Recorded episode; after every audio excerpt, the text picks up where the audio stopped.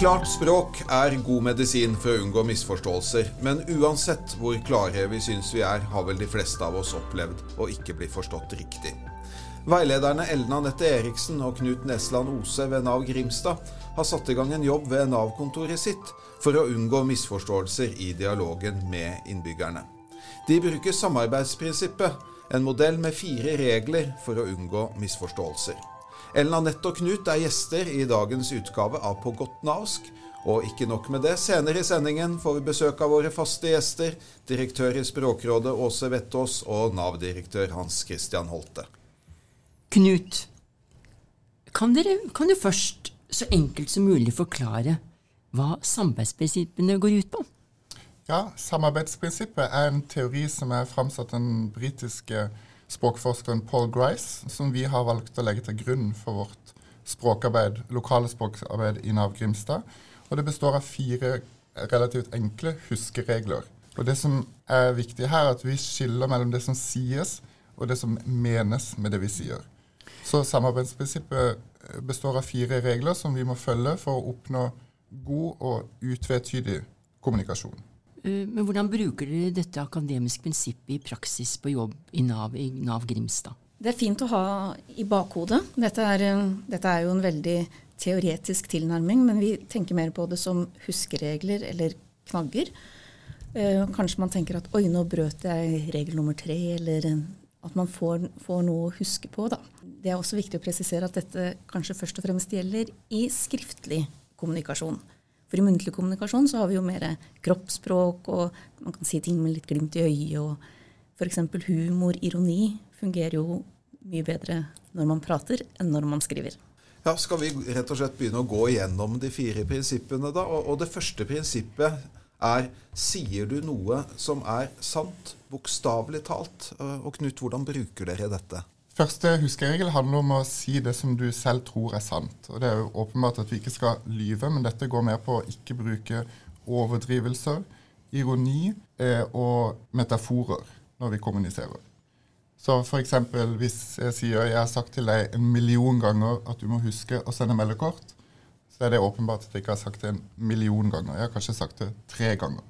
Og det er også eh, at man kan bruke metaforer, f.eks. at man sier at det å lære norsk er nøkkelen til å få venner eller komme inn i arbeidslivet. Men det er jo ikke en nøkkel. Det er jo ikke sånn at man kan henvende seg på Nav-kontoret og få en nøkkel. Eh, så det er, en, det er jo en ganske vanlig metafor, men for de som da ikke har norsk som, som morsmål, så kan det være en misforståelse. Og Det kan også være vanskelig for utlendinger å ikke forstå ironi, f.eks. Eh, prinsipp to er gir du nok informasjon? Verken mer eller mindre. Ja, og den syns vi er litt, uh, litt, morsom, for noen kan f.eks. skrive til oss kan jeg få dagpenger. Og så kan jeg svare ja. men det er jo alltid sånn at når man spør om noe, så, ligger, så, så man, er man ute etter et, et, bedre svar. For det som er svaret på 'kan jeg få dagpenger', ja, da er det visse kriterier som må oppfylles, og du kan lese mer om dette her, og det er sånn og slik. Men du kan også gi for mye informasjon. F.eks. må begynne med å snakke om trygderetten, og i Norge har vi mange goder, og, og skrive en utgreining på det. Så det skal ikke være for mye heller, men heller ikke for lite. Um, og det er jo da at man skal gi nok informasjon. Man må gi så mye informasjon som formålet med spørsmålet krever. Så hvis noen stiller spørsmål kan jeg få dagpenger, så er det åpenbart at det ikke er et ja- eller nei-spørsmål men at man forventer mer informasjon. Ja, at man, at man er så informativ som situasjonen krever. Verken ja. mer eller mindre. Hvis noen stiller spørsmål er det mulig å få dagpenger, så er det åpenbart at det ikke er et ja- eller nei-spørsmål, men at man ønsker, ønsker, mer ønsker informasjon, informasjon, om, om dagpenger. Prinsipp tre er uttrykker du informasjon på en klar og lettfattelig måte. Det krever jo litt klart språkkompetanse hos den Nav-ansatte å vurdere seg selv etter dette prinsippet. Hvordan får du det til? Ja, her er det jo lett å trekke frem gammelnavsk, at man bruker unødvendig kompliserte ord. Eh, klart språk, og da tenker jeg også enkeltspråk. Vi trenger ikke gjøre det mer innviklet enn det det trenger å være. Så Hvis jeg f.eks. skriver 'Kan du produsere et dokument hvor du lister opp på kronologisk måte de erfaringer du tidligere har ervervet i yrkes- og utdanningsmessig henseende, så kommer du sikkert til å bare si 'hæ'? Men det jeg egentlig vil si, er 'kan du skrive CV'?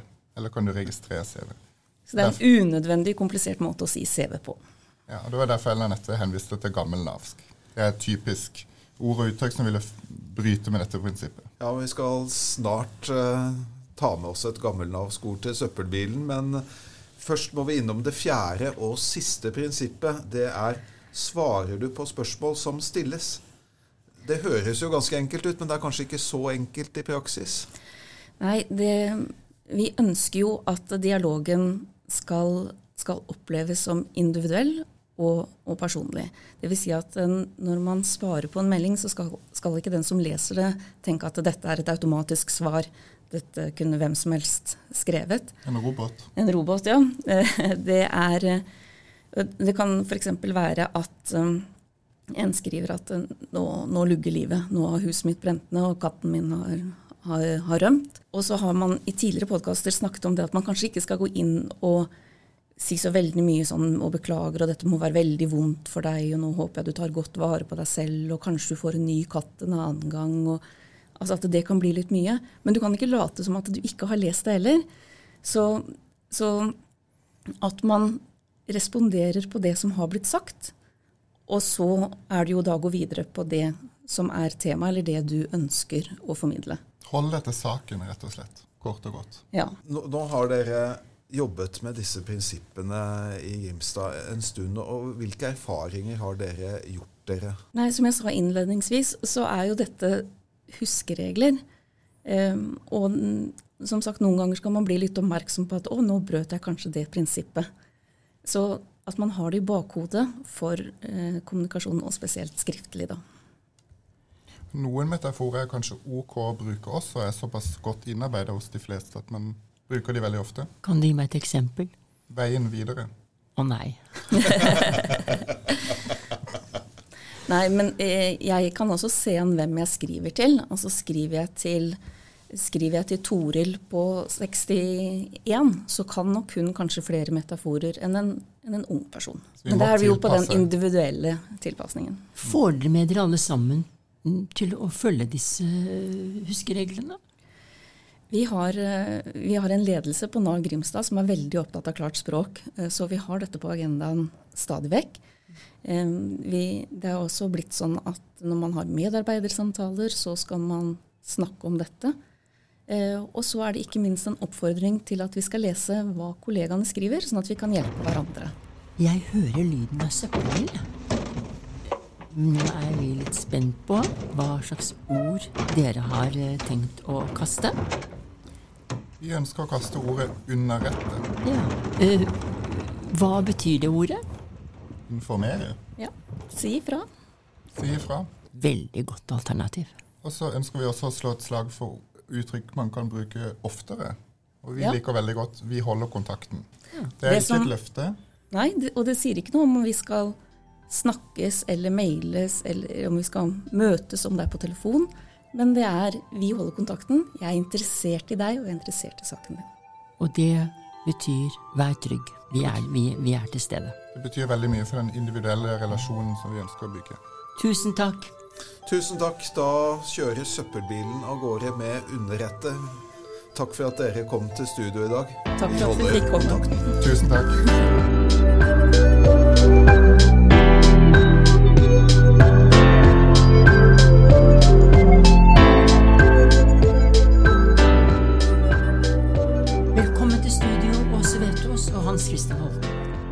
Åse. Her hører vi to veiledere som har tatt i bruk en akademisk modell for å unngå misforståelser i den digitale dialogen.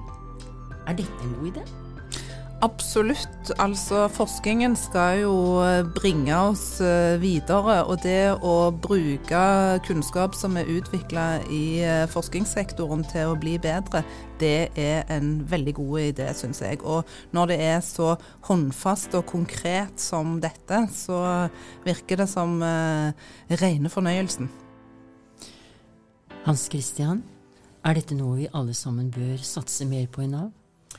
Jeg tenker dette er gode prinsipper. Eh, og de er også såpass eh, konkrete og tydelige som også sier at eh, jeg tenker først og fremst ikke at dette er veldig akademisk. Det er fint at det er forskningsgrunnlag for at disse prinsippene viser seg å være effektive og gode. Men her tror jeg vi har noe å tenke på, mange av oss hele tiden. Altså svarer du på spørsmålet som stilles? Det kan jeg kjenne på i både ekteskap og i Nav-sammenheng at det uh, er greit å tenke gjennom. Gjør jeg egentlig det? Svarer jeg på det spørsmålet som stilles? Ja, så gjør du det? jeg, jeg, tror jeg skal være så ærlig å si at ikke alltid tror jeg er et riktig svar. Og da brukte jeg også et av de andre prinsippene, nemlig er det du sier sant, bokstavelig talt? Uh, så det er noe med å altså bruke de prinsippene som uh, som en sånn bevisstgjøring også. Eh, for dette er jo ikke nødvendigvis vond vilje at vi ikke etterlever disse prinsippene alltid, mm. men det er rett og slett at vi ikke er helt bevisste eh, på at vi holder tydeligheten oppe, rett og slett. Mm. Eh, vi har jo tidligere i, på Gotnavsk snakket om empatisk kommunikasjon. Det handler litt om dette også med disse prinsippene, gjør det ikke?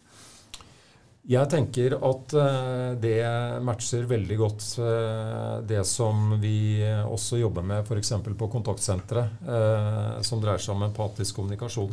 For det er noe med å se det mennesket som du snakker til, og, og, virkelig forsøke å fange opp hvor det mennesket er, og hva slags informasjon det mennesket er på jakt etter.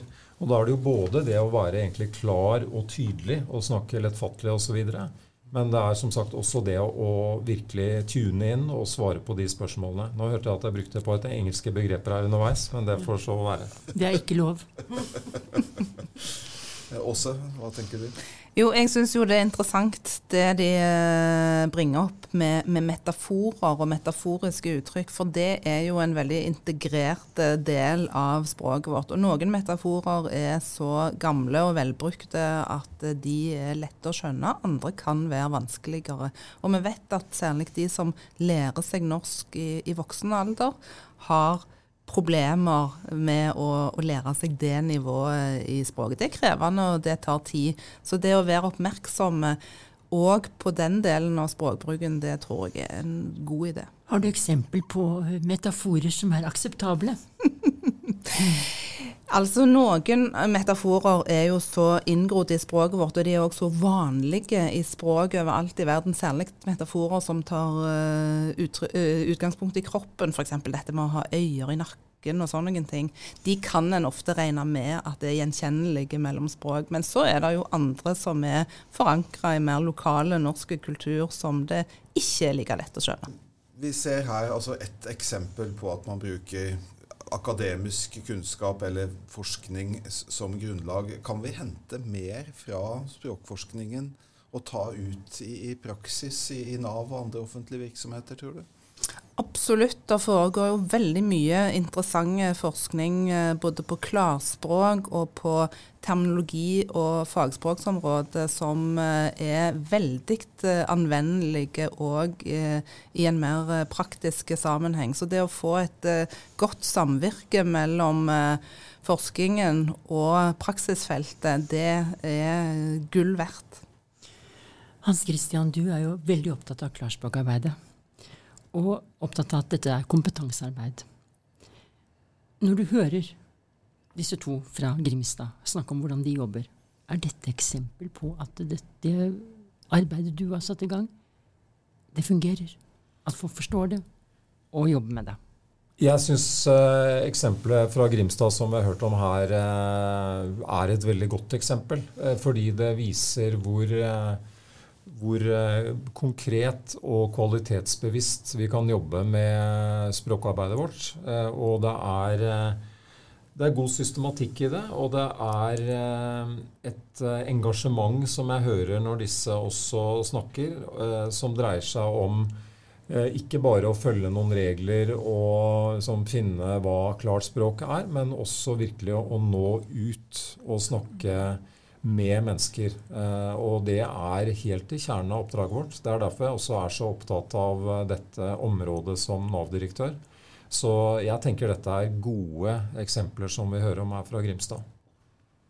Ja, Det Hans Christian sier om eh, systematikk, det syns jo jeg er veldig viktig. For hvis en skal kunne ha et eh, gjennomgående godt språkarbeid, så, så trenger en faktisk å knytte systematikk til det. Og hvordan er ditt offentlige nå? Diagnosen? Er det, er det stort engasjement i offentlig virksomhet? Jeg møter jo veldig mange offentlige virksomheter som er veldig glade for den eh, nye klarspråksparagrafen som har kommet i språkloven. For den gir mulighet til å sette fart i det systematiske arbeidet med klart språk. Og det jeg tror blir viktig framover, det er å lære av hverandre mellom virksomheter. Og dele på gode praksis og god systematikk. For staten skal jo være eh, innbyggerne i Norge sin gode tjener, og da må vi tenke smart, og så må vi dele på de smarte løsningene. Og det du sier nå er ikke til å misforstå? Det håper jeg ikke. Nei, for kan vi noen gang komme dit at vi helt kan unngå misforståelser? Det er selvsagt eh, helt uh, umulig. Altså, det er menneskelig å både tolke og tråkke ut i misforståelser. Men det hviler på oss som statsansatte å rydde opp i de misforståelsene når vi, når vi møter innbyggerne våre. Sånn at det, det, er alltid lurt å stille noen kontrollspørsmål og sjekke at budskapet kom riktig fram. Det tror jeg også er et poeng. altså det Misforståelser er til for å oppklares. Og, og, det som kan glippe, er nettopp det som Åse sier til slutt her. At vi ikke sjekker ut at eh, budskapet og informasjon faktisk har nådd fram. Så eh, er vi litt våkne på det, så, så kan vi komme oss gjennom også en god del misforståelser uten at det er noen krise. Det er gode tips her på slutten av sendingen. Nå får vi også opp uh, sluttvignetten, som uh, bidrar til at det blir enda færre misforståelser om at denne podkasten går mot slutten. Tusen takk til gjestene våre. Vi høres igjen neste måned. Tusen takk.